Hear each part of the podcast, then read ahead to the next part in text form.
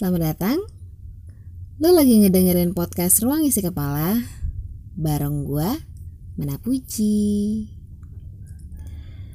Ya, selamat datang buat kalian semua yang udah ngedengerin episode-episode podcast gua kemarin Dan buat lo yang baru pertama kali ngedengerin podcast gua Selamat datang juga, salam kenal, gue Mana Puji Ini pembukaan podcast gue gue bikin lebih pendek daripada yang sebelumnya. Karena gue ngerasa kayak kok gue dengerin lagi malah jadi kedengeran terlalu panjang ya. Makanya agak gue rubah aja lah biar biar singkat aja gitu langsung ke intinya. Dan ini mohon maaf banget. Ya lagi-lagi gue selalu aja membuka podcast gue dengan kata maaf. Karena gue baru sadar ternyata eh, episode kedua yang kemarin itu gue upload di tanggal 6 November ya kalau nggak salah. Dan ini hari gue ngerekord eh, rekaman ini itu tanggal 16 November. Jadi itu gue udah lewat 10 hari semenjak gue upload episode kedua gue kenapa bisa terjadi itu? Jadi gue lupa ceritanya lupa sumpah gue lupa. Cek. Jadi kan gini uh, sebenarnya niatan episode yang kali ini tuh uh, sengaja mau gue buat khusus untuk nyeritain um, acara yang baru aja gue hadirin gitu. Jadi gue kemarin tanggal berapa sih? Tanggal 8 itu ada acara. Nah niatan gue tuh mau ngerekam podcast buat nyeritain apa-apa yang ada di acara itu sama apa yang gue lakuin di sana. Ternyata malamnya tuh gue sakit gitu meriang. Ceritanya kan jarang keluar ya. Jadi sekalinya keluar capek gue meriang dikerokin sama emak gue besoknya selama dua hari tuh dari hari tanggal 8 tuh kan hari minggu tuh ya.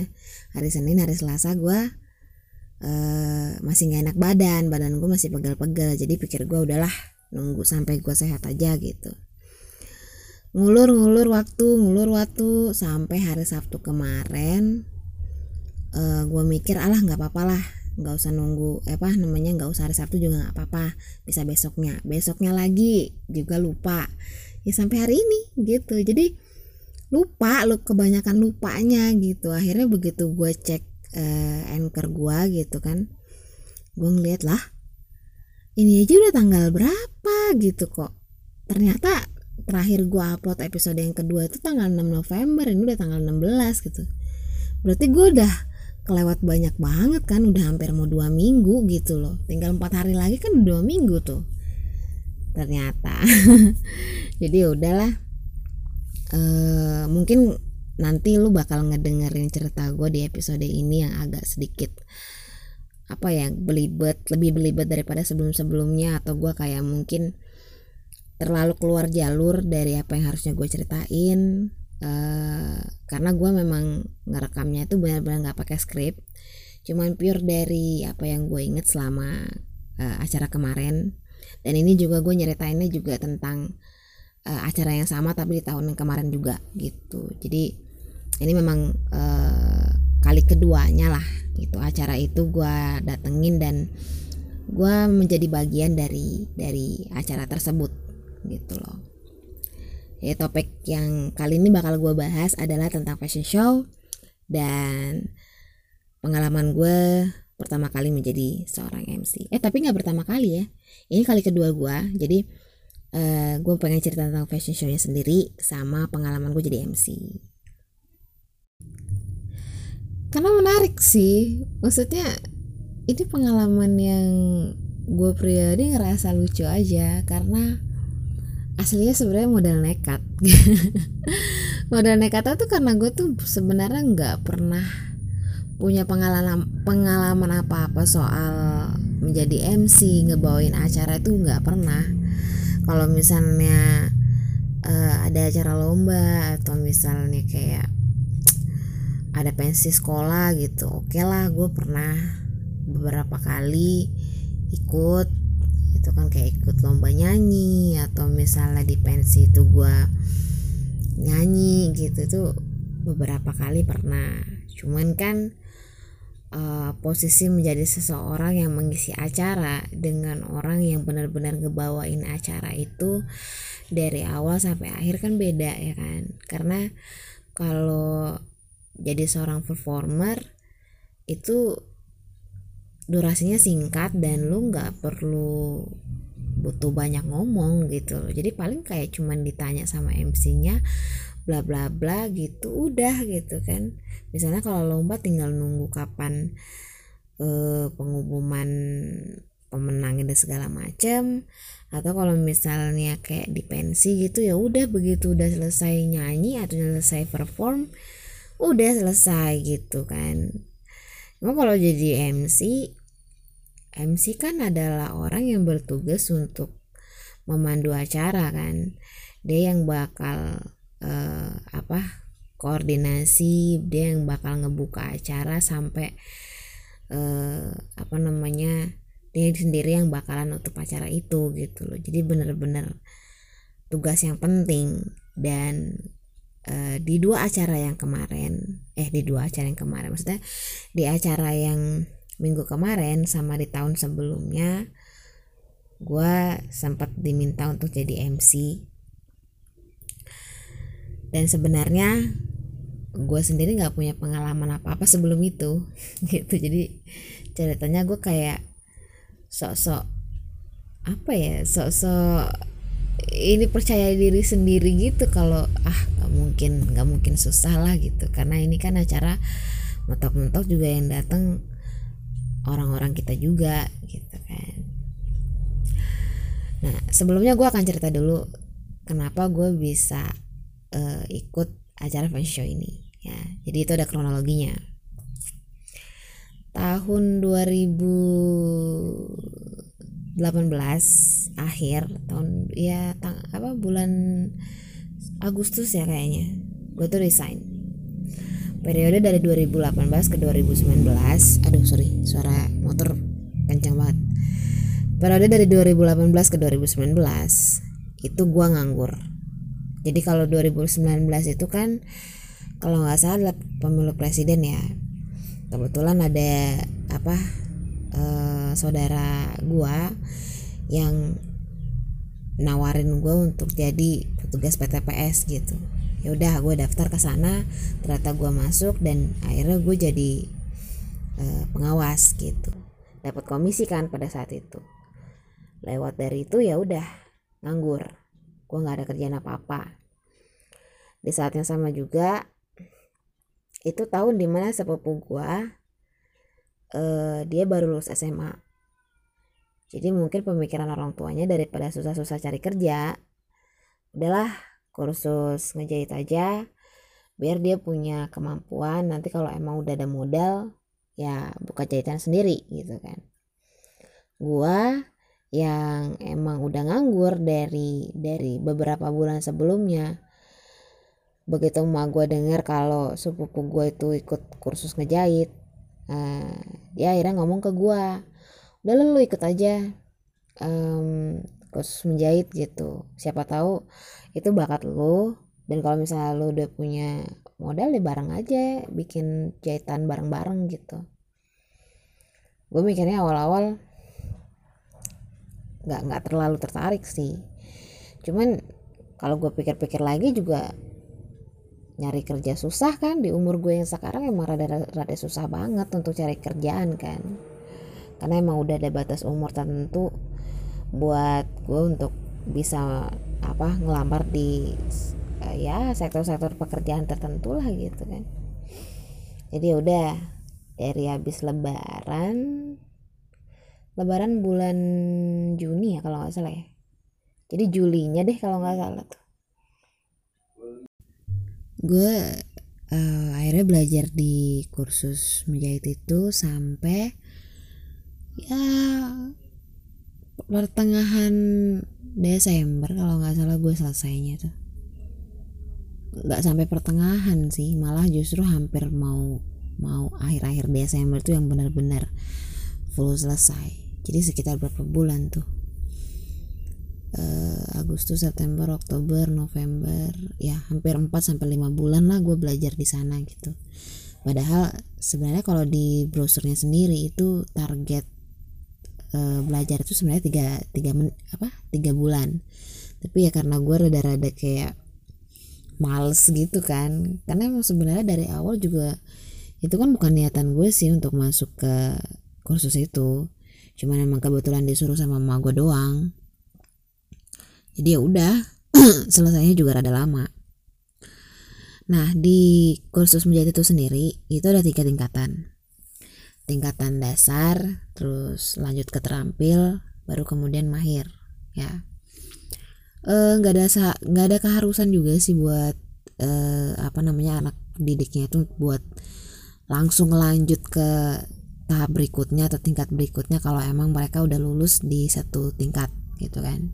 Jadi kalau misalnya kayak gue nih gue nyelesain tiga dasar gue boleh untuk tidak ngelanjut lagi ke terampil uh, atau misalnya kalau mau ngambil terampil tapi di tahun selanjutnya atau kapan aja gitu nggak masalah. Karena emang setiap tingkat juga udah dapat sertifikatnya sendiri gitu. Jadi ya emang gue tuh semenjak lulus tingkat dasar kemarin itu nggak pernah lanjut lagi gitu. Karena emak gue mikirnya uh, biayanya juga udah lumayan gede sih karena itu kan um, apa namanya biayanya sekitar satu juta dua ratus untuk satu tingkat. Tingkat selanjutnya bayar cuma satu juta doang kalau nggak salah ya. Tapi uh, selama perjalanan belajar di sana itu kan harus beli material kayak semacam bah, uh, bahan bajunya kemudian kayak peralatan dan segala macam. Termasuk juga mesin jahit. Gua dari pertama kali masuk sebagai murid di sana sampai sekarang itu nggak pernah beli mesin jahit. Karena emak gue tuh kayak ragu-ragu gitu mau ngebeliin apa enggak gitu. Dan akhirnya begitu gue selesai pun juga nggak dibeliin gitu. Jadi gue waktu kemarin itu yang termasuk bikin lama karena di rumah gue nggak ada mesin jahit tuh. Jadi gue kalau misalnya mau mau ngebenerin baju eh ya dari dari belajar sampai kayak sekarang nih yang udah selesai gitu mau ngecilin baju apa segala macem gue gue ke tempatnya sepupu gue tuh minjem mesin dia gitu. Mak gue kayak kayak ragu-ragu gitu loh mau ngeluarin duit. Jadinya gue juga mikir alah ya udahlah orang peralatannya aja gue nggak disiapin kan ya. Gue pun juga nggak kerja kan jatuhnya. Jadi gue nggak bisa minta yang yang maksa banget gitu untuk supaya emak gue nyediain semua apa-apa yang gue perluin gitu. Kayak selama apa belajar di sana pun juga emang udah alhamdulillah aja gitu gue dikasih duit buat beli bahan. Kayak kayak kalau misalnya keluar pas berangkat kursus gitu. Gue dikasih uang jajan gitu lah ya. Sebenarnya gue sendiri juga ngerasa agak ya terlalu banyak ngeluarin biaya gitu. Makanya sekarang pun juga gue nggak begitu terlalu tertarik lah. Mungkin nanti kalau misalnya gue emang dasarnya udah punya modal untuk bisa ngelanjut lagi ke terampil gue akan ngelanjut sebenarnya. Karena menurut gue sih sayang aja kalau cuma sampai dasar. Anyway uh, di tiap tingkatan itu ya kan dari dasar terampil mahir ada tiga syarat eh, di mana kita harus apa namanya eh, nyelesain tiga syarat itulah gitu. Maksudnya menuhin tiga syarat itu untuk kelulusan dan dapat sertifikatnya. Yang pertama itu adalah nyelesain semua eh, materi yang dikasih sama guru pembimbing jadi kalau kayak gue tuh gue tuh ya tingkat dasar dari pertama kali megang mesin jahit yang manual yang gojrek itu terus mulai langsung kayak apa ya kayak ngejahit pakai uh, apa namanya tuh? Pertama sih pakai pakai kayak ada pola dari dari kertas gitu. Jadi kita ngejahitnya pakai benang biasa tapi ngikutin pola di dalam kertas gitu. Terus itu mulai beli kain-kain kayak kain-kain perca kain-kain bekas gitulah gitu. Jadi kalau misalnya punya kain rumah ya nggak apa-apa. Tapi waktu itu gue disuruhnya beli kain kasur gitu. Dan waktu itu gue disuruh belajar bikin kayak jahitan ini jahitan itu bikin kerah model kerah gitu-gitu sampai akhirnya bikin baju kayak bikin kemeja terus bikin baju seragam sendiri juga bikin sendiri gitu kan. Terus bikin celana uh, celana panjang ya. Terus bikin celana karet yang ada ada apa namanya ban karetnya itu. Terus apa waktu kemarin itu ya bikin rok bikin ya banyak lah. Buat pola juga belajar belajar bikin pola belajar ngukur badan dan segala macam lalu kemudian kalau semua tugas-tugas itu udah diselesain kita bakal ujian ada dua model ujiannya. Sama sih kayak kayak sekolah sih sebenarnya jatuhnya. Ujian tertulis sama ujian praktek. Nah jadi kalau misalnya kalau misalnya semua tiga uh, syarat itu udah dipenuhin kita akan dapat sertifikat gitu. Nah gua uh, karena masih tingkat dasar ya udah. Gue cuma dibu cuman ngebutuhin tiga syarat itu untuk um, lulus. Tapi khusus buat mahir karena mahir ini kan adalah uh, level murid uh, kursus jahit yang dia tuh sebenarnya kayak udah gimana ya kalau bisa dibilang tuh? Kayak udah level penjahit aja tapi tapi um, apa namanya diperbagus lagi loh gitu. Jadi tahap mereka itu udah bukan tahap kayak cuma sekedar bikin baju biasa atau misalnya kayak cuman ngebenerin ngecilin gitu-gitu doang bukan. Jadi eh, tahapan mereka itu udah tahap-tahap penjahit yang bakal ngebikin baju-baju pernikahan. Kayak kebaya dan gaun pengantin gitulah. Yang lu biasa yang lu biasa lihat di pernikahan pernikahan gitu kan yang kebayanya bagus-bagus banget. Nah itu levelnya mereka itu udah di situ kalau tingkat mahir. Jadi uh, syarat kelulusan mereka itu ada empat. Jadi setelah nyelesain semua materi yang dikasih guru pembimbing selesai semua ujian tertulis ujian praktek. Uh, ujian praktek itu mereka bakal bikin kebaya pengantin sama gaun pengantin. Jadi modelnya dua. Dan abisnya hasil ujian praktek mereka itu yang udah jadi bakalan ditampilin dalam satu acara fashion show. Setahu gue sih ya setahu gue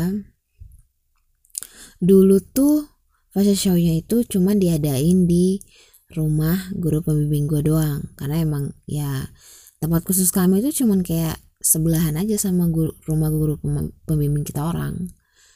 Kita orang. Tapi karena sekarang semakin banyak alumni yang uh, apa sih namanya belajar di kursus menjahit gue itu sama ya anak muridnya emang pada dasarnya banyak karena kelasnya pun juga ada dua kelas pagi sama kelas siang.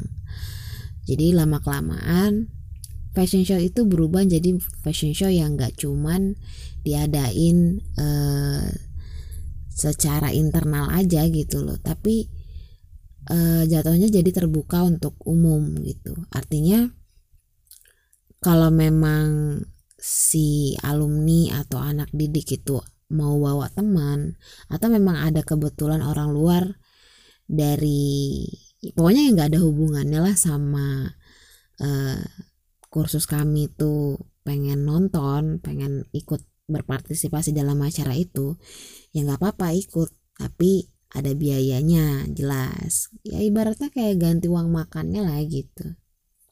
Makanya acaranya biasanya diadain di kayak semacam ya pondok santap atau ya ada tempat-tempat yang memang khusus uh, buat buat uh, ngadain acara fashion show kayak gitulah gitu. Jadi ada kerjasamanya sendiri. Tahun kemarin itu kan jatuhnya gue masih jadi anak didik di sana. Walaupun sebenarnya gue tuh udah lulus uh, beberapa hari gitu. Udah dinyatain lulus setelah sebelum acara fashion show-nya sendiri diadain. Cuma karena memang ya walaupun udah lulusnya kan tapi lulus itu masih lulus lulus baru-baru itu loh. Jadi jatuhnya kita masih jadi anak didik di sana. Dan anak didik dari kursus menjahit gue itu emang wajib untuk datang ke fashion show itu gitu loh. Jadi kalau misalnya para alumni sih nggak terlalu diwajibin kan karena mereka mungkin kayak ya seba, cuma sebagai pendukung doang. Tapi kalau untuk anak didiknya sendiri itu pasti harus datang gitu. Waktu itu ya gue kan gak ada pilihan lain ya untuk datang. Dan gue juga penasaran sih. Maksudnya uh, acara seperti apa sih fashion show itu gitu. Gue kan nggak pernah gitu loh ngal ngal ngalamin nonton ngalamin gimana sih? Kayak nggak pernah gitu loh ada di satu acara fashion show semacam itu gitu. Nggak nggak pernah bukan semacam itu lagi memang nggak pernah nonton fashion show nggak pernah. Kayaknya juga gue dari dulu dari zaman zaman sekolah sekolah gue nggak pernah ngada ngadain acara fashion show. Pernah gak sih? Pernah kali ya. Tapi itu zaman persami tapi nggak yang gimana gimana banget biasa aja lu tahu sendiri lah persami mah paling cuma kayak keluar gitu dong wah wah ya ya gitu gitu udah selesai selesai gitu kan. Tapi ini yang emang bener-bener fashion show di mana karya mereka yang bener-bener mereka buat sendiri itu bakalan ditampilin dan itu jatuhnya kan umum gitu bakalan dilihat banyak orang. Jadi gue sama sekali nggak tahu sih sebenarnya bakalan seperti apa gitu sekitar seminggu kayaknya sebelum ujian tertulis ya. Sebelum ujian tertulis sama ujian praktek karena itu dua hari berturut-turut sebenarnya. Salah satu panitianya itu datang ke gua gitu. Jadi waktu itu di tahun kemarin tahun 2019 itu eh, anak tingkat mahira itu ada tiga orang. Sedikit banget kan? Tiga orang doang. Salah satunya ngomong sama gua mbak eh, nanti acara fashion show kami jadi ini ya MC-nya gitu. Betul lagi apa ya ceritanya itu tuh? Kayaknya lagi motong pola gitu deh buat bikin baju apa baju pesta gitulah. Bajunya sendiri aja sekarang udah gak pernah gue pakai tuh. Gara-gara bahannya tuh ini apa namanya ada bahan tilenya gitu gue tuh lupa kalau misalnya tile tuh nggak bisa nggak bisa kena panas e, terlalu terlalu kuat gitu loh. Bisa dia kena panas tapi harus kayak di alasan atau gimana gitu kalau emang mau di apa namanya di setrika. Nah gue tuh lupa. Jadi tilenya akhirnya nempel di serikaan gue tapi intinya memang tile mah nggak bisa ya di di ini digosok gitu kan dasar begonya gue kemarin aja gitu. Jadi sekarang nggak pernah dipakai tuh. Mana bikinnya susah main susah pokoknya. Makanya termasuk salah satu alasan kenapa gue tuh nggak mau ngelanjut sampai sekarang pusing. Tau gak sih lo? Pusing. Lebih baik beli baju sendiri sebenarnya daripada bikin bikin eh beli baju sendiri. Maksudnya beli baju langsung jadi aja daripada bikin sendiri pening malah gue beneran. Nah itu pas gue lagi bikin bajunya itu uh, salah satu anak Maira datang ke gue terus ngomong uh, mau nggak gue jadi MC-nya gitu. Nah gue emang dasar orangnya juga kadang-kadang ya kadang-kadang sok-sok ini confidence sendiri gitu. Nggak tahu bisa apa nggak bilang iya dulu aja gitu.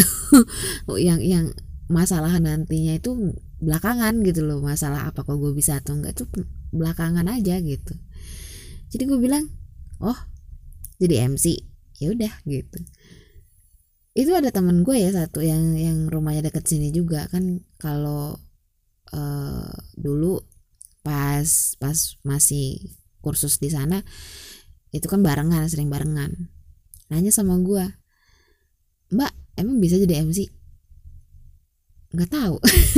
Gue jawabnya nggak tahu kayak nekat sendiri aja gitu. Padahal ya Allah. Itulah makanya ya. Kadang kenekatan itu membuat kita menjadi menjadi sangat eh, kejadiannya malah malah malah pas pas jadi MC itu malah lucu beneran. Jadi ya udah gue gue yain kan itu. Dan gue biarin aja. Maksud gue kayak alah entah jadi entah enggak. Gue mikirnya di sit pada saat itu kayak gitu. Alah bodo amat lah. Mau jadi mau enggak gampang lah gitu pikir gue nah habisnya kan emang dasarnya lagi fokus-fokusnya ngurusin ujian kan. Jadi gue nggak kepikiran ke sana gitu. Sampai akhirnya eh, salah satu panitianya itu nanya gue mbak minta nomor wa nya dong gitu nah baru gue keinget. Oh iya. Gue kan disuruh jadi MC ya. Ternyata diingetin gue gitu. Lagu tuh lagi pusing-pusingnya atau ngurusin ujian cuma diingetin aja kan. Ya udah gue dikasih tuh nomornya kan. Gue kasih nomor wa gue e, malamnya dia nge wa gue mbak e, ini ngomongin soal fashion show-nya nanti bla bla bla segala macem gitu apa ya waktu itu dia ngomongnya? Kalau nggak salah kalau nggak salah waktu itu dia ngomongin soal susunan acara sama e, nanti dia bakal ngirimin narasi pas bajunya ditampilin gitu. Jadi nanti di fashion show itu acara intinya kan bakalan nampilin bajunya tuh. Nah, nanti setiap baju itu bakalan ditampilin sambil gua nanti bakalan ngebacain narasi gitulah. Jadi bajunya tuh model apa warna apa dari bahan apa terus bentuknya kayak gimana gimana gitulah. Intinya kayak deskripsi dari bajunya itu sendiri gitu kan. Ya gue ho ho aja ya gue gak ngerti kan. Apaan gitu. Gue sebenarnya dari awal tuh udah udah bingung sendiri ah narasi apaan sih? gitu. Cuma gue iya iya aja karena gue masih berpikiran kayak oh nggak bakal susah itu gitu loh. Ini kan cuma acara fashion show biasa yang bakalan dihadirin sama orang-orang kita juga gitu. Jadi kalau kalaupun ada masalah juga ya udahlah ya sesama sesama teman-teman ini gitu. Mereka juga udah pada tahu gitu loh gue ini orangnya kayak gimana gitu. Kalau kalau di kursus kan gue rada-rada suka ngomel ngomel sendiri ngoceh sendiri gitu gitu kan. Suka cari-cari perhatian sendiri gitu. Padahal nggak lucu ya udah. Terus udah nih ujian selesai eh gue mulai akhirnya mencoba untuk lebih fokus ke masalah fashion show itu. Karena gue kan udah diingetin kalau gue bakal jadi MC kan. Artinya memang benar-benar gue harus ber berpartisipasi dalam acara itu kan. Cuma karena memang gue nggak tahu sama sekali nantinya itu di fashion show bakalan kayak gimana. Terus juga nggak ada nggak ada info lain setelah setelah omongan soal nanti gue bakalan dikirim susunan acara sama uh, apa namanya sama narasinya itu. Jadi ya udah pas gue tanyain ini gimana mbak uh, susunan acaranya ini nih? Saya nanti bikin teksnya kayak gimana gitu. Gue cuma dibilangin kayak ya udah mbak bikin aja sesuai keinginan mbak aja. Yang penting kan uh, seluruh acaranya itu mbak bisa bisa bacain bisa bawain dengan bener gitu. Terserah mbak gimana ininya apa namanya maunya mbak gitu. Yang penting kan apa namanya mbak bisa ngafalin mbak bisa ngomongnya dengan baik gitu. Yang intinya yang penting tuh di acara intinya aja gitu. Ya udah gue coba cari di internet uh, apa sih namanya kayak teks MC buat bawain acara gitu. Ya cuman gue copy-copy tipis-tipis gitu aja gitu kan. Paling gue kurangin apa gitu kayak gitu-gitu aja. Terus gue berusaha untuk hafalin. Dengan gue hanya memfokuskan masalah ke eh, teks MC-nya itu sendiri. Jadi jadi gue bener-bener kayak waktu mikirin soal narasi fashion show-nya tuh gue nggak ngerti sama sekali kan. Jadi gue juga mikirnya udah itu masalah nanti aja gitu. Tanpa gue sadar bahwa itu nanti bakalan jadi disaster banget kalau gue nggak berusaha untuk e, cari tahu itu mesti gimana gitu loh. Instruksinya itu mesti harus gimana soal narasinya itu gitu. Cuman gue lebih fokusnya ke masalah MC-nya dari wah gue harus uh, apa ngebuka acara ini dengan omongan kayak gimana atau nanti gue bakalan apa sih namanya ngebacain susunan acaranya seperti apa dan segala macam kayak kayak gitu aja gitu dong benar-benar gue tulis skripnya dari awal sampai penutupan itu serapih mungkin dan gue hanya hanya mikirin soal gimana caranya uh, semua teks itu hafal dan gue bisa membacakannya dengan baik gitu. Nggak nggak kepikiran masalah narasi ya beneran gitu dan bahkan ya sampai di hari keberapa ya hari ketiga sebelum acara berlangsung itu gue masih belum tahu itu daerah tempat eh, fashion show-nya itu di mana gitu lokasinya tuh di mana tuh gue belum tahu. Makanya sempet kayak gue baru sadar eh, kalau gue nggak tahu daerah di mana gue nggak tahu lokasinya di mana itu begitu udah mau berangkat dua hari iya. Udah dua hari sebelum hari H gitu. Jadi gue akhirnya nanya mbak ini lokasinya di mana?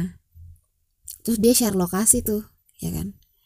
Terus gue liatin wadah gila itu jauhnya minta ampun sumpah itu kayak lo kalau yang di daerah Bandar Lampung itu mungkin perkiraan jaraknya antara dari dari Teluk Betung ke Terminal Raja Basa mungkin lebih jauh lagi. Agak lebih jauh lagi lah itu. Jadi jauh banget Edan itu kalau hitungannya dari rumah gue beneran. Kalau cuma dari dari daerah kota di sini ya jadi gue kan rumahnya rada-rada di di pelosok gitu kan.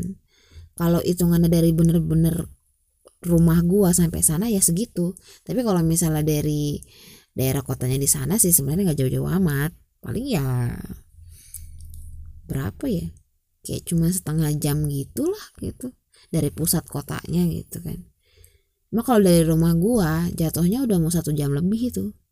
Dan eh yang pas berangkat di hari hanya itu kan.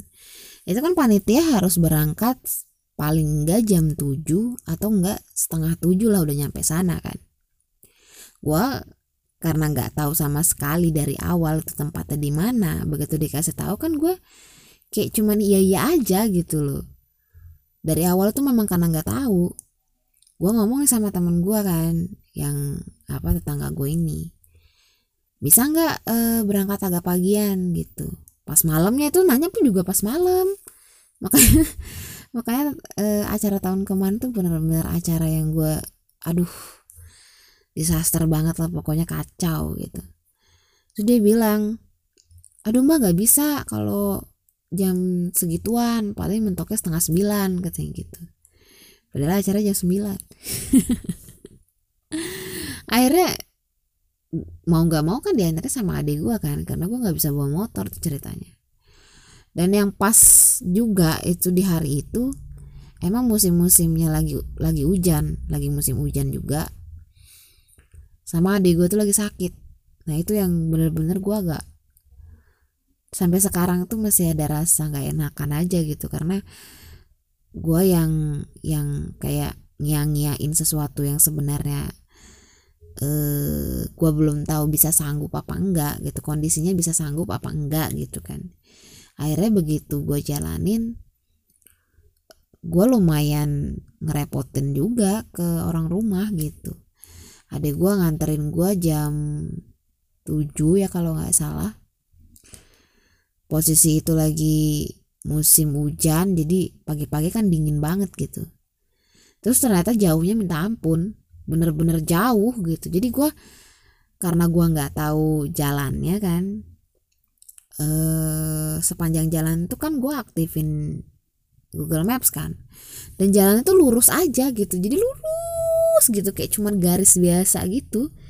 Saking jauhnya itu gue sampai deg-degan sendiri ini jam berapa bakalan nyampe gitu. Mana di perjalanan itu kan sempat ngelewatin eh, apa namanya kayak semacam lapangan gede gitu di sana. Dan di lapangan itu ternyata lagi ada acara bazar bazar gede gitu yang diadain sama bupati di sini. Jadi kan banyak polisi tuh ya gue udah panik luar biasa itu karena adik gue kan kalau ke mana-mana nggak pernah bawa nggak pernah pakai helm. Jadi akhirnya kita lewat jalan muter aja karena memang disuruh sama polisinya sendiri untuk udah muter aja gitu. Tapi untungnya pada saat itu ya nggak ditegur sama sekali kalau adik gue nggak pakai helm gitu loh. Cuman ya eh sumpah lah yang tahun kemarin tuh gue lumayan agak agak keselnya di bagian itu sih gitu gue sampai di lokasi tuh jam 8 lewat 20 menit kalau nggak salah. Jadi sekitar satu jam lebih. Dan ternyata begitu gue nyampe di sana itu belum ada yang datang gitu selain panitianya. Jadi tamunya itu belum pada ada gitu. Padahal gue waktu itu mikirnya udah telat aja gitu. Ya soalnya kan acara dimulai jam 9 tuh. Sedangkan panitianya itu diharusin untuk kalau nggak bisa setengah tujuh ya jam tujuh gitu kan. Ternyata gue datangnya jam setengah sembilan kurang. Jadi gue udah pemikirannya wah gue bakal telat ini datangnya. Tapi ternyata masih sepi masih sepi. Itu orang-orang tuh masih pada foto-foto gitu masih pada ketawa ketiwi gitu. Gue nanya ini orang-orang pada belum datang nih? Belum belum gitu gitu. Mungkin juga karena satu karena waktu itu lagi gerimis juga kan. Musim hujan gerimis. Kedua juga emang dasarnya Indonesia kan jam karet gitu ya. Bilangnya jam 9 tahu-tahu mentoknya datangnya jam 10 kan. Gue tuh emang udah ada perkiraannya kayak gitu. Tapi karena gue udah diminta jam 7 harus datang sementara gue juga ya you know lah dari jam 7 tuh udah mencoba untuk berangkat ternyata telat gitu kan pemikiran gue tuh udah gak enak aja. Tapi ternyata begitu nyampe di sana mau masih sepi-sepi aja gitu. Singkat cerita eh, pesertanya datang sekitar jam 9 malahan. Jadi acara mulai jam 9 peserta datang juga jam 9 terus gue akhirnya mulai untuk ngebuka acara sekitar jam setengah 10 ya lancar-lancar aja tuh di awal ya. Gue ngebuka acara yang ya assalamualaikum warahmatullahi wabarakatuh.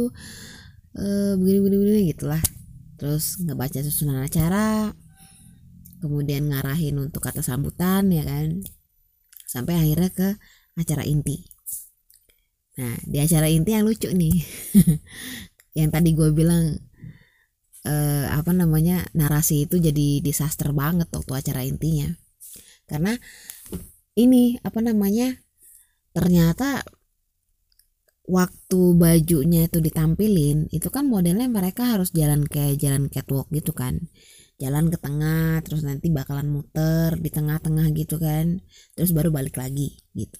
Gua harus ngebacain narasi selama si pesertanya itu nampilin bajunya itu. Satu-satu ya kan? Gua pikir jalan itu bakal lama gitu loh. Maksudnya kayak dia dia kayak bakal jalan anggun yang uh, gitulah yang bakalan lama banget gitu loh. Karena kan pesertanya cuma tiga orang kan. Jadi gue gue baca narasinya juga pelan pelan gitu. Kayak gaun ini adalah rancangan dari gitu-gitu gitu. Kayak baca proklamasi. Gue inget banget itu kayak proklamasi bener sumpah. Ternyata tuh cepet. Jadi gue baru baca sekitar dua baris gitu doang orang udah nyampe di tengah gitu loh. Lah kata gue ini gue yang kelamaan baca apa orang yang jalan kecepatan gitu? Jadi pas gue ngomong kayak gini nih kayak misalnya uh, ini adalah gaun rancangan dari saudara ini gitu kan. Gue baca pelan-pelan itu. Gaun ini di, dinamakan gini-gini. Eh tiba-tiba orang udah tengah nih. Jadi gue baca gaun ini berbentuk uh, model payung dengan uh, warna ini bahan ini nih gitu. Jadi jadi yang di awalnya itu pelan pelan begitu ngeliat orangnya udah dari tengah gue cepet-cepet gitu. Jadi kalau misalnya ada orang yang nyadar tuh di, di fashion tahun kemarin itu bakal ketawa. Soalnya ya emang kaget loh gue. Gue lagi fokus ngebacain kan pasti mata gue juga ke ke ini kan gak bakal gue perhatiin gitu loh orangnya. Nah itu salah gue. Begitu gue baru akhirnya bisa merhatiin pesertanya ini dia udah di tengah dan malah udah mau balik. Jadi akhirnya gue cepet-cepet tuh baca narasinya. Dan ya udah e, peserta kedua muncul kan nampilin baju sampai ke peserta tiga baru setelah selesai tuh. Itu baju pertama gitu karena narasi kan dibacain setiap baju disampilin. Dan itu ada tiga baju eh ada dua baju. Jadi masing-masing eh enggak. Jadi total baju yang bakal ditampilin itu adalah enam baju yang lebih lucu lagi nih ya pas eh, penampilan gaun eh gaun penampilan kebaya. Jadi itu yang pertama kan kebaya pengantin yang kedua gaun pengantin.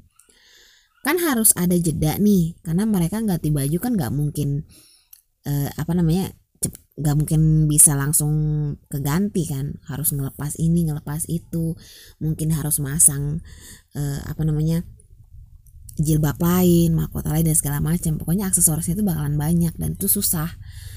Gua sebelum acara dimulai dibilangin sama panitianya mbak nanti ini ada ada penampilan dari alumni mungkin baru ngomong mungkin itu jadi belum tahu bener atau enggak karena memang gue nggak dikasih tahu dari awal. Nanti kalau emang nggak ada tuh kalau emang nggak ada mbak gimana caranya supaya si penontonnya nggak bakal bosen gitu. Jadi mbak terserah lah mau ngomong apa kek mau eh, apa namanya kasih kuis apa atau gimana ngajak ngobrol atau gimana terserah. Yang penting kita dapat 15 menit untuk ganti baju katanya gitu. Gila gak lu? Gua gak punya pengalaman apa apa jadi MC disuruh ngomong yang gua aja sama orang lain aja belum tentu ngomongnya bisa bisa sepanjang itu gitu. Selama 15 menit itu bisa bikin orang yang ngedengerin omongan gua tuh ini ya apa namanya tertarik gitu. Eh suruh ini apa namanya ngasih waktu 15 menit buat ganti baju dengan guanya ngomong-ngomong ke orang. Improvisasi gue sendiri gitu ceritanya. Aduh sumpah itu kayaknya untungnya ya untungnya di tahun kemarin itu karena memang yang ngedateng adalah orang-orang yang semuanya gue kenal setiap kursus itu gue pasti ketemu jadi ngajak ngobrolnya enak. Dan tahun kemarin tuh juga emang posisinya hmm, alumni itu nggak banyak datang gitu. Jadi nggak ada ya nggak ada kesan awkwardnya gitulah misalnya waktu 15 menit pergantian baju itu gue banyak ngobrol sama anak-anak didik yang yang apa namanya yang emang dasarnya kayak ngobrol biasa juga. Gue selingin dengan ngobrol sama guru pembimbing gue karena pada saat itu emang dia harus harus hadir karena sebagai jurinya juga. Terus alhamdulillahnya juga ada ya mereka volunteer gitu loh. Ada anak dasar yang volunteer anak terampil alumni satu-satu doang gitu. Jadi mereka kayak cuman muter muter muter gitu doang.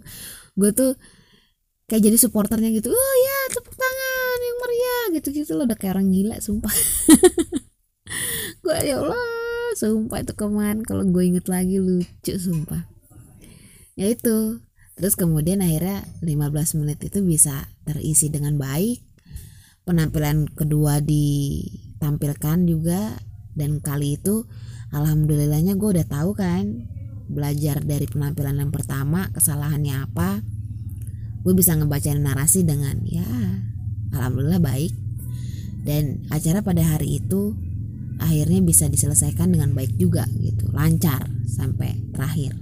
Dan lucunya juga itu kan pagi-pagi hujan tuh ya selama perjalanan eh selama perjalanan hujan selama acara berlangsung sampai ke acara inti hujan siangnya malah panas. Panas terang benderang. Loh gila gila. Gue pulang dari sana itu jam berapa ya? Pokoknya acara selesai itu jam setengah satu. Gue main dulu gue mampir ke bazarnya itu ya kan? Karena cuma jaraknya sekitar ya beberapa puluh meter itu aja. Eh beberapa ratus meter gitu. Mungkin 200-300 meter gitu terus keluar dari sana nongkrong dulu tuh sama temen-temen kursus gua karena itu kan bakalan jadi hari terakhir kita bakalan ketemu kan. Karena udahnya kan pasti lulus. Udah nggak gua udahnya nggak nggak ada urusan lagi gitu sama uh, kursusnya gitu. Kecuali kalau lu emang mau langsung lanjut. Terus ya udah pulang. Dengan membawa perasaan kayak campur aduk banget gitu antara happy karena acaranya ya 90% berhasil kalau nggak ngingetin masalah acara intinya itu. Sama perjalanan gue di awal mau berangkat. E, perasaan sedih juga gitu karena gue nggak tahu kan e, bakalan bisa ketemu sama mereka lagi. Karena eh, empat tahun eh tahun lagi. Apaan sih empat tahun? Enggak selama waktu kursus empat bulan itu juga gue ketemu sama orang-orang yang menyenangkan sih. Walaupun gue secara eh, gimana ya walaupun awalnya gue nggak berniat untuk kursus di sana tapi akhirnya gue ketemu dengan orang-orang yang menyenangkan. Mereka tuh orang-orang yang humble banget anak-anaknya lucu-lucu walaupun seumuran yang seumuran sama gue itu malah sebenarnya yang udah pada nikah semua. Jadi gue lebih banyak ngobrolnya malah justru sama anak-anak yang umur umurnya tuh jauh di jauh di bawah gue gitu. Karena gue mendasarnya udah ya udah dewasa banget gitu. Tapi enak gitu mereka kayak lucu aja. Dan sedih lah waktu uh, fashion show tahun kemarin itu selesai kita yang ya udah nggak bisa ketemu lagi deh gitu. Ketemunya mungkin kalau bakal mau datang ke acara fashion show tahun depan lagi deh gitu. Sedih aja. Sama foto-foto juga sih. Dan satu hal yang mungkin gue uh, syukuri dari fashion show kemarin fashion, eh fashion show tahun kemarin itu karena gue dapat banyak foto. Udah itu doang sama ya karena pertama kali gue jadi MC aja sih itu pengalaman yang luar biasa juga sih walaupun banyak banyak hal yang kacau. Dan pada waktu itu ya gue nggak tahu kalau tahun ini gue bakal diminta lagi untuk jadi MC tahun ini ya itu pun juga gue nggak ada niatan untuk jadi MC jadi awalnya gue bisa ikut tahun ini tuh karena sepupu gue itu kan ngelanjut ya ke Mahir ya. dari dia terampil selesai Mahir pun juga dia akhirnya bisa ngelanjut.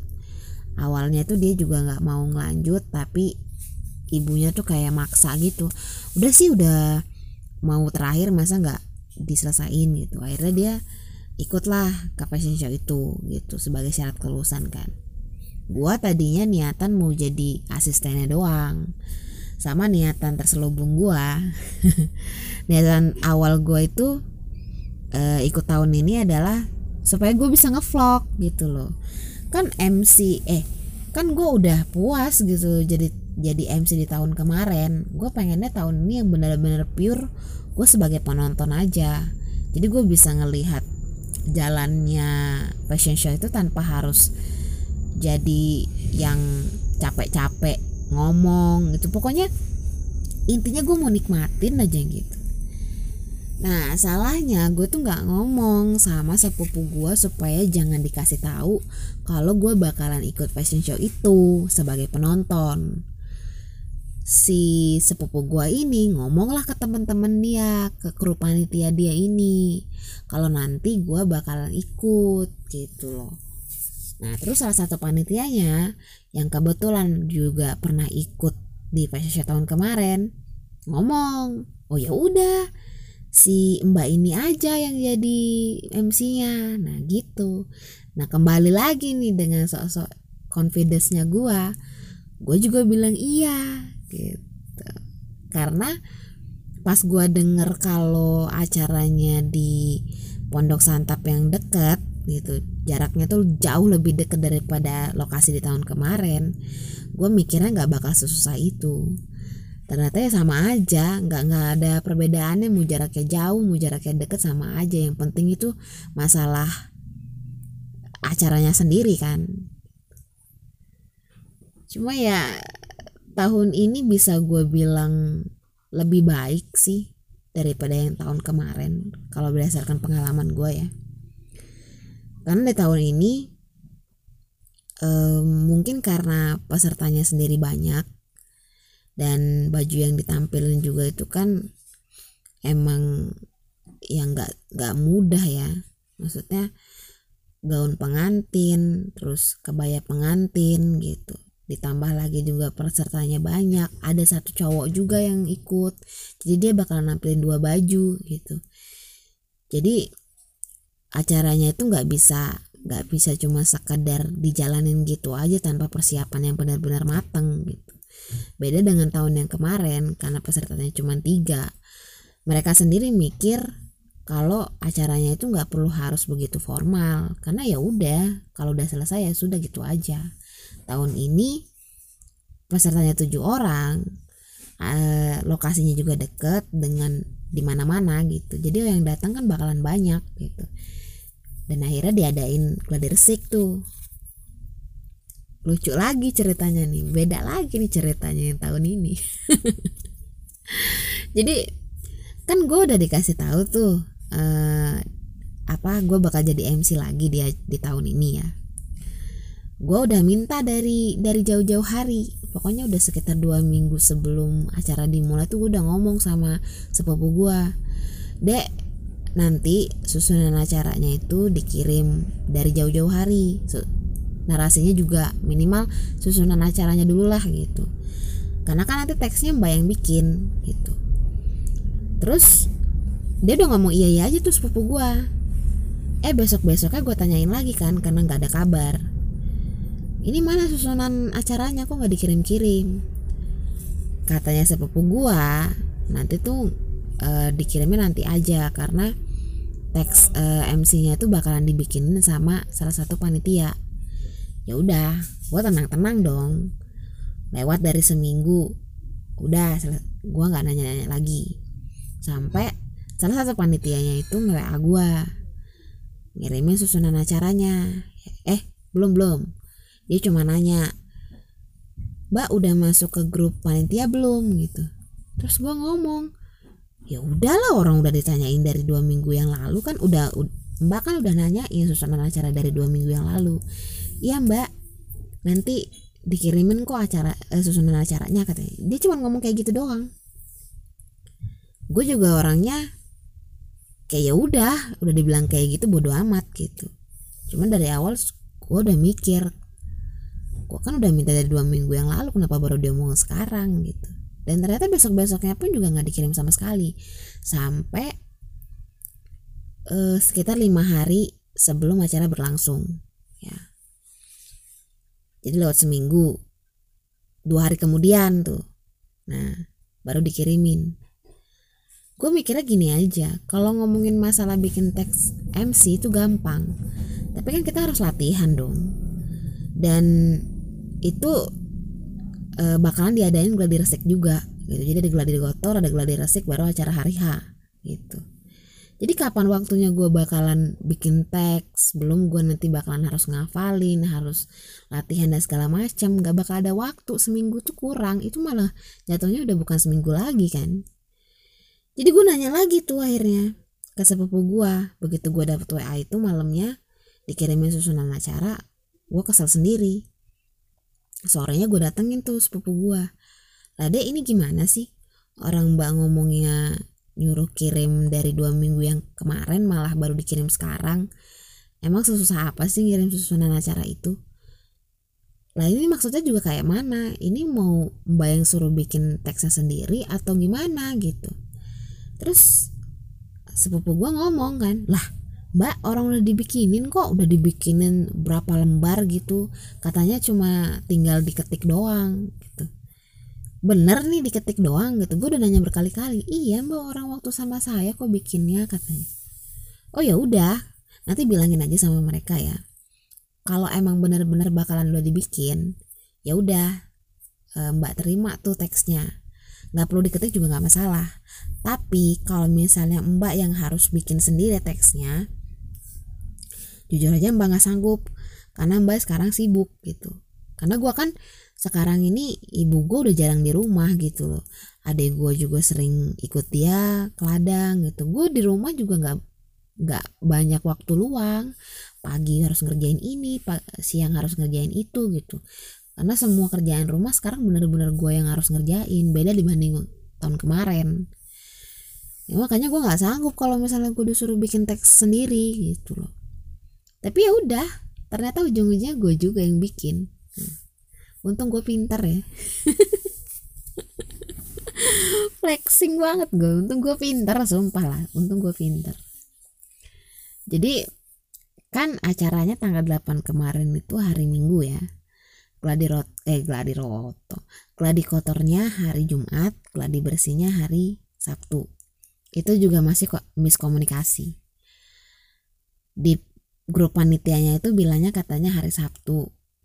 Terus ada yang nanya hari Jumat nggak jadi dong mbak? Enggak katanya. Ya udah gue tenang-tenang aja itu. Karena dibil karena udah ada yang nanya katanya hari Jumat nggak jadi. Terus tiba-tiba sepupu gue nanya mbak jadi kan berangkat hari ini jam satu? Ya gue udah baca di grup panitia katanya nggak jadi kan kaget gue ya mana di rumah gue sendirian gak ada nggak ada siapa-siapa gitu. Karena gue udah terlanjur bilang sama adek gue hari Jumat gak kagak jadi gitu. Nggak eh, nggak bisa lah deh orang ini apa namanya nggak jadi kan hari Jumat gitu. Gue karena dari dari informasi yang gue dapat hari Jumat nggak jadi. Jadi kita miskomunikasi itu akhirnya gue nggak ikut tuh gladi kotor. Besoknya hari Sabtu gue berangkat jam 10 eh enggak gue udah siap-siap dari jam 10 nggak taunya si sepupu gue sakit tiba-tiba. Mabuk dia. Ngurusin acara panitia sakit. Acara fashion show tiba-tiba sakit padahal dia yang bakalan jadi pesertanya lu lucu gue gue berangkat jam 11 berangkat bareng sama adiknya sepupu gue nah enak nih sepupu gue nih untung punya adik yang umurnya nggak jauh beda dari dia gitu jadi ukuran badannya juga sama ukuran sepatunya sama tinggal gantiin aja sebenarnya. Gladi resik tuh ceritanya. Nah dan alhamdulillah karena memang udah ada gladi resiknya di situ gue udah bener-bener tahu juga kan dari dari pengalaman tahun kemarin eh, proses ininya bakalan seperti apa gitu. Jadi gue udah ngerti sendiri. Tapi ya tetap harus ada tapi gini memang yang namanya acara itu tetap harus ada persiapan seperti gladi resiknya juga dong gitu. Nah yang salahnya adalah tahun kemarin itu nggak ada. Sementara gue sendiri juga nggak ada pengalaman kan sebelumnya. Kalau tahun ini sih walaupun misalnya nggak ada gladi resik pun karena gue ada pengalaman dari tahun kemarin ya sebenarnya nggak ada masalah gitu. Cuman ya untungnya tahun ini gue bisa tetap ikut gladi resik tetap ikut bisa. Jadi bisa apa namanya eh acaranya tuh bisa lebih lancar karena udah latihan sebelumnya gitu dari tadi tuh belibet ya omongan gue ya. Sorry nih. Gue gue pemikiran gue itu kayak mutar-mutar mutar gitu. Udah ngantuk. Ini udah jam 10 malam sumpah. Singkat cerita ya pagi gue berangkat jam berapa waktu itu? Jam 7 juga sih sebenarnya. Dan karena ini lokasinya deket enak. Cuman uh, yang nganterin bukan adik gue ini. Yang nganterin sepupu gue gitu. Itu pun juga uh, harusnya kan yang jadi yang nampilin bajunya itu juga si sepupu gue yang ini ya yang jadi muridnya gitu ini malah kemarin yang nampil malah adiknya gue pulang-pulang pulang-pulang gue ketawain sama gue deh yang bikin siapa yang ikut fashion show malah siapa? Ketawa deh iya mbak katanya sakit sih gara-gara ini. Elah kata gue makanya. Makanya apa aduh bawaan ngantuk sumpah bawaan ngantuk. Uh, coba ya setelah mengalami dua event ini ya dari fashion show tahun kemarin sama tahun ini. Gue ngambil pelajaran yang luar biasa sih. Maksudnya ketika lu uh, udah diminta untuk ikut dalam suatu acara yang besar ya penting banget untuk lo harus follow up sama acara itu terus menerus karena yang dari pengalaman gue juga karena gue itu orangnya agak cuek-cuekan gitu kayak ya udahlah gampang nanti gampang nanti gitu. Akhirnya begitu acara berlangsung ya hasilnya ya kayak tahun kemarin itu gitu. Gak bener malah tahun ini tuh jatuhnya karena terlalu lancar jadi nggak nggak ada menariknya gitu kayak gue pulang jam setengah satu ya pulang gitu aja tanpa bawa perasaan apa-apa beda sama tahun kemarin karena mungkin dari awal berangkatnya udah apa udah ada hal-hal lucu yang terjadi gitu hal-hal kacau yang terjadi gitu. Gimana tuh berkesan buat gue karena itu pertama kalinya gue jadi MC pertama kalinya gue itu uh, datang ke lokasi itu gitu kan. Foto-foto segala macam memang memorable sih di tahun yang kemarin. Tapi tahun ini aslinya sih kalau untuk fashion show-nya sendiri gue lebih prefer di tahun ini. Karena persiapannya juga luar biasa bagus kedua juga dia ada gladi resik ada gladi kotor. Panitianya itu benar-benar ngejalanin dengan baik. Ketiga juga gue benar-benar udah prepare karena tahun kemarin gue udah punya pengalaman seperti itu. Tapi ya udah selesai dengan begitu aja gitu. Nggak ada yang bikin gue kayak oh berkesannya begini loh gitu. Nggak ada. Gitu. malahan gue agak kecewanya karena di tahun ini tuh seharusnya gue bisa ngeliat sepupu gue bener-bener jadi jadi model gitu kan. Niatan awal gue kan emang pengen ngerekam momen dia gitu. Eh gue malah jadi MC lagi. Terus yang harusnya sepupu gua yang mesti jadi pesertanya gitu yang nampilin bajunya sendiri gitu malah dia sakit digantiin sama adiknya. Itu pun juga ya yang bagian yang paling ngeselin itu adalah gua nggak bisa foto-foto di sana. Eh kesel gue makanya sebel kalau nggak bisa foto-foto ya mana udah nggak bisa videoan nggak bisa apa itu namanya uh, live live IG gitu kan live Facebook gitu. Orang-orang mau pada sana sini live Facebook uh HP udah mancang gitu tangannya tinggi betul gitu mancangin HP gitu. Gue mah sibuk sendiri ngebacain narasi soalnya HP-nya tuh memang gue pakai buat eh, apa namanya gue bisa ngeliat teksnya gitu ya itu. Nggak ada bekasan apa-apa sedih gue cuman ya udahlah itu pengalaman ya. Gue memang niatan bikin podcast ini supaya gue bisa uh, membuat memori itulah dalam bentuk dalam bentuk cerita di podcast kan. Walaupun gue nggak ada videonya gitu gue nggak ada foto yang buat jadi kenangannya tapi seenggaknya gue pernah nyeritain ini di podcast gitu dan gue juga nggak tahu lah tahun besoknya nanti bisa ada kesempatan lagi buat ikut fashion show atau enggak gitu. Nggak tahu. Soalnya tahun ini aja tuh sedihnya gue tuh gue udah berusaha dengan baik jadi jadi MC yang coba ngajak penonton untuk ngobrol ngajak penonton untuk bisa engage di acaranya gitu ya selama pergantian bajunya itu udah happy banget gitu. Maksudnya dengan persiapan acaranya luar biasa tempatnya juga bagus. Uh, gue berharapnya itu gue sebagai MC juga performanya itu bagus gitu loh. Bisa bisa lebih dilihat. Tapi ternyata begitu gue ngajak mereka ngobrol yang ayo tepuk tangan gini gini segala macam kayak gitulah. Itu mereka kayak biasa aja gitu kayak nggak ngelihat gue segala sama sekali sebagai seorang MC jadi sedihnya tuh ya percuma gue jadi MC gue cuma bisa ngomong doang tapi gue nggak bener-bener kerasa lah kehadiran gue tuh kayaknya nggak terlalu berasa gitu dibanding tahun kemarin gitu. Cuman ya itulah. Setiap pengalaman punya ceritanya sendiri sih. Nggak apa-apa. Dua-duanya juga menarik. Menurut gue menarik sama-sama. Mungkin buat lo yang eh, sekarang-sekarang ini lagi ada kesempatan untuk seperti gue gitu tiba-tiba disuruh jadi MC di suatu acara gitu. Atau dapat kesempatan untuk ngomong di depan banyak orang dalam suatu acara tertentu. Ya. Dan lu misalnya belum pernah uh, punya pengalaman itu gitu.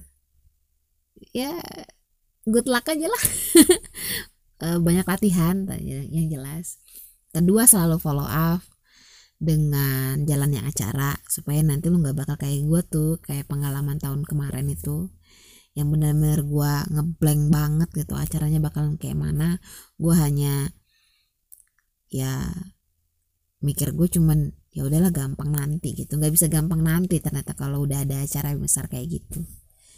Ya. Harus harus benar-benar di apa namanya harus kitanya sendiri yang juga ikut ikut nanya-nanya gitu loh ini mesti gimana mesti gimana? gitu.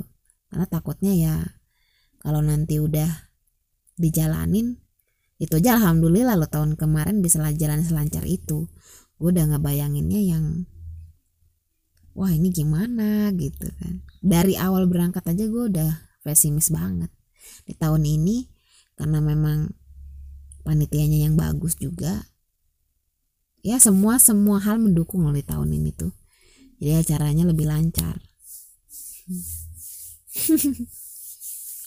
Tapi ya lucu lah. Orang mau fashion show malah sakit. Eh guanya ya habis ngeledekin sepupu gua malamnya gue yang sakit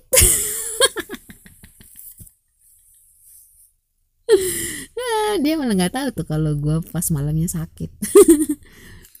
Ketawa-ketawa aja kalau ini ketemu dia itu. Masih gue ledek-ledekin tuh ih sayang kan sayang kan nih. Harusnya mah udah jadi model ini mah ya. Ya itulah tetap pengalaman. Apa pun itu patut untuk diceritakan patut untuk diingat adalah sebuah memori yang menyenangkan berada di acara seperti itu. Anyway itu aja lah cerita gue untuk hari ini ya. Mudah-mudahan di, di episode kali ini lu nggak uh, nggak dengerinnya nggak nggak terlalu kesel gitu. Karena gue uh, gue ini ngerekamnya itu kan patah-patah tuh ya setiap 10 menit gue dengerin setiap 10 menit gue berhenti dengerin. Tadi gue banyak eh banyak kayaknya uh, terlalu muter-muter gitu. Gue minta maaf banget. Seperti yang tadi gue bilang di awal gue ngerekamnya juga emang tanpa skrip cuma bener-bener dari dari apa yang gue pikirin terus langsung gue keluarin gitu aja. Jadi mungkin omongan gue agak begitu kurang jelas atau begitu ya kurang bagus lah untuk untuk didengar. Gue cuman pengen ngeceritain aja sih sebenarnya. Supaya gue bisa inget lagi gitu. Lucunya kayak apa sih kita di acara-acara itu. Semoga lo senang. Kalau misalnya lo ada saran lo ada hal yang pengen lo ceritain lo pengen ada sesuatu yang lo pengen omongin ke gue lo silahkan uh, eh, DM gue atau mention gue di Twitter dan di uh, Instagram di at m e n a k p u j i. Terus kalau misalnya lu pengen curhat juga terserah silakan. Mau lu mau pengen gue bacain tinggal ngomong. Kalau nggak pengen dibacain cuman pengen gue reply pasti gue bakal reply kok. Tenang aja ya. Jangan lupa juga follow sosial media gue follow gue di Spotify atau di mana pun platform mana pun Google Podcast apa podcast mana pun ya yang lu suka. Jangan lupa di share juga ke platform mana pun yang lu mau dan jangan lupa dengerin podcast-podcast gue yang sebelumnya kalau lu baru pertama kali dengerin gue. Dan kalau misalnya lu udah pernah ngedengerin gue jangan eh, ketinggalan sama episode episode selanjutnya ya. Ini udah jam setengah sebelas. Gue harus pamit dulu. Gue Mena Puji. Sekian dan bye-bye. Oh ya, gue lupa ngomong. Terima kasih udah dengerin podcast gue hari ini. Kok lupa ya? Jangan lupa uh, tetaplah sehat-sehat selalu. Jangan lupa makan, tidur, minum, apa tadi? Baca doa ya. Jangan lupa kalau keluar baca doa dulu baca bismillah jangan lupa bilang assalamualaikum karena lu nggak bakal tahu kapan lu bakal bilang assalamualaikum lagi lupa. Hmm, harus mengingatkan hal kayak gitu ya. Efek ngantuk kah? Ya udah udah assalamualaikum. Bye bye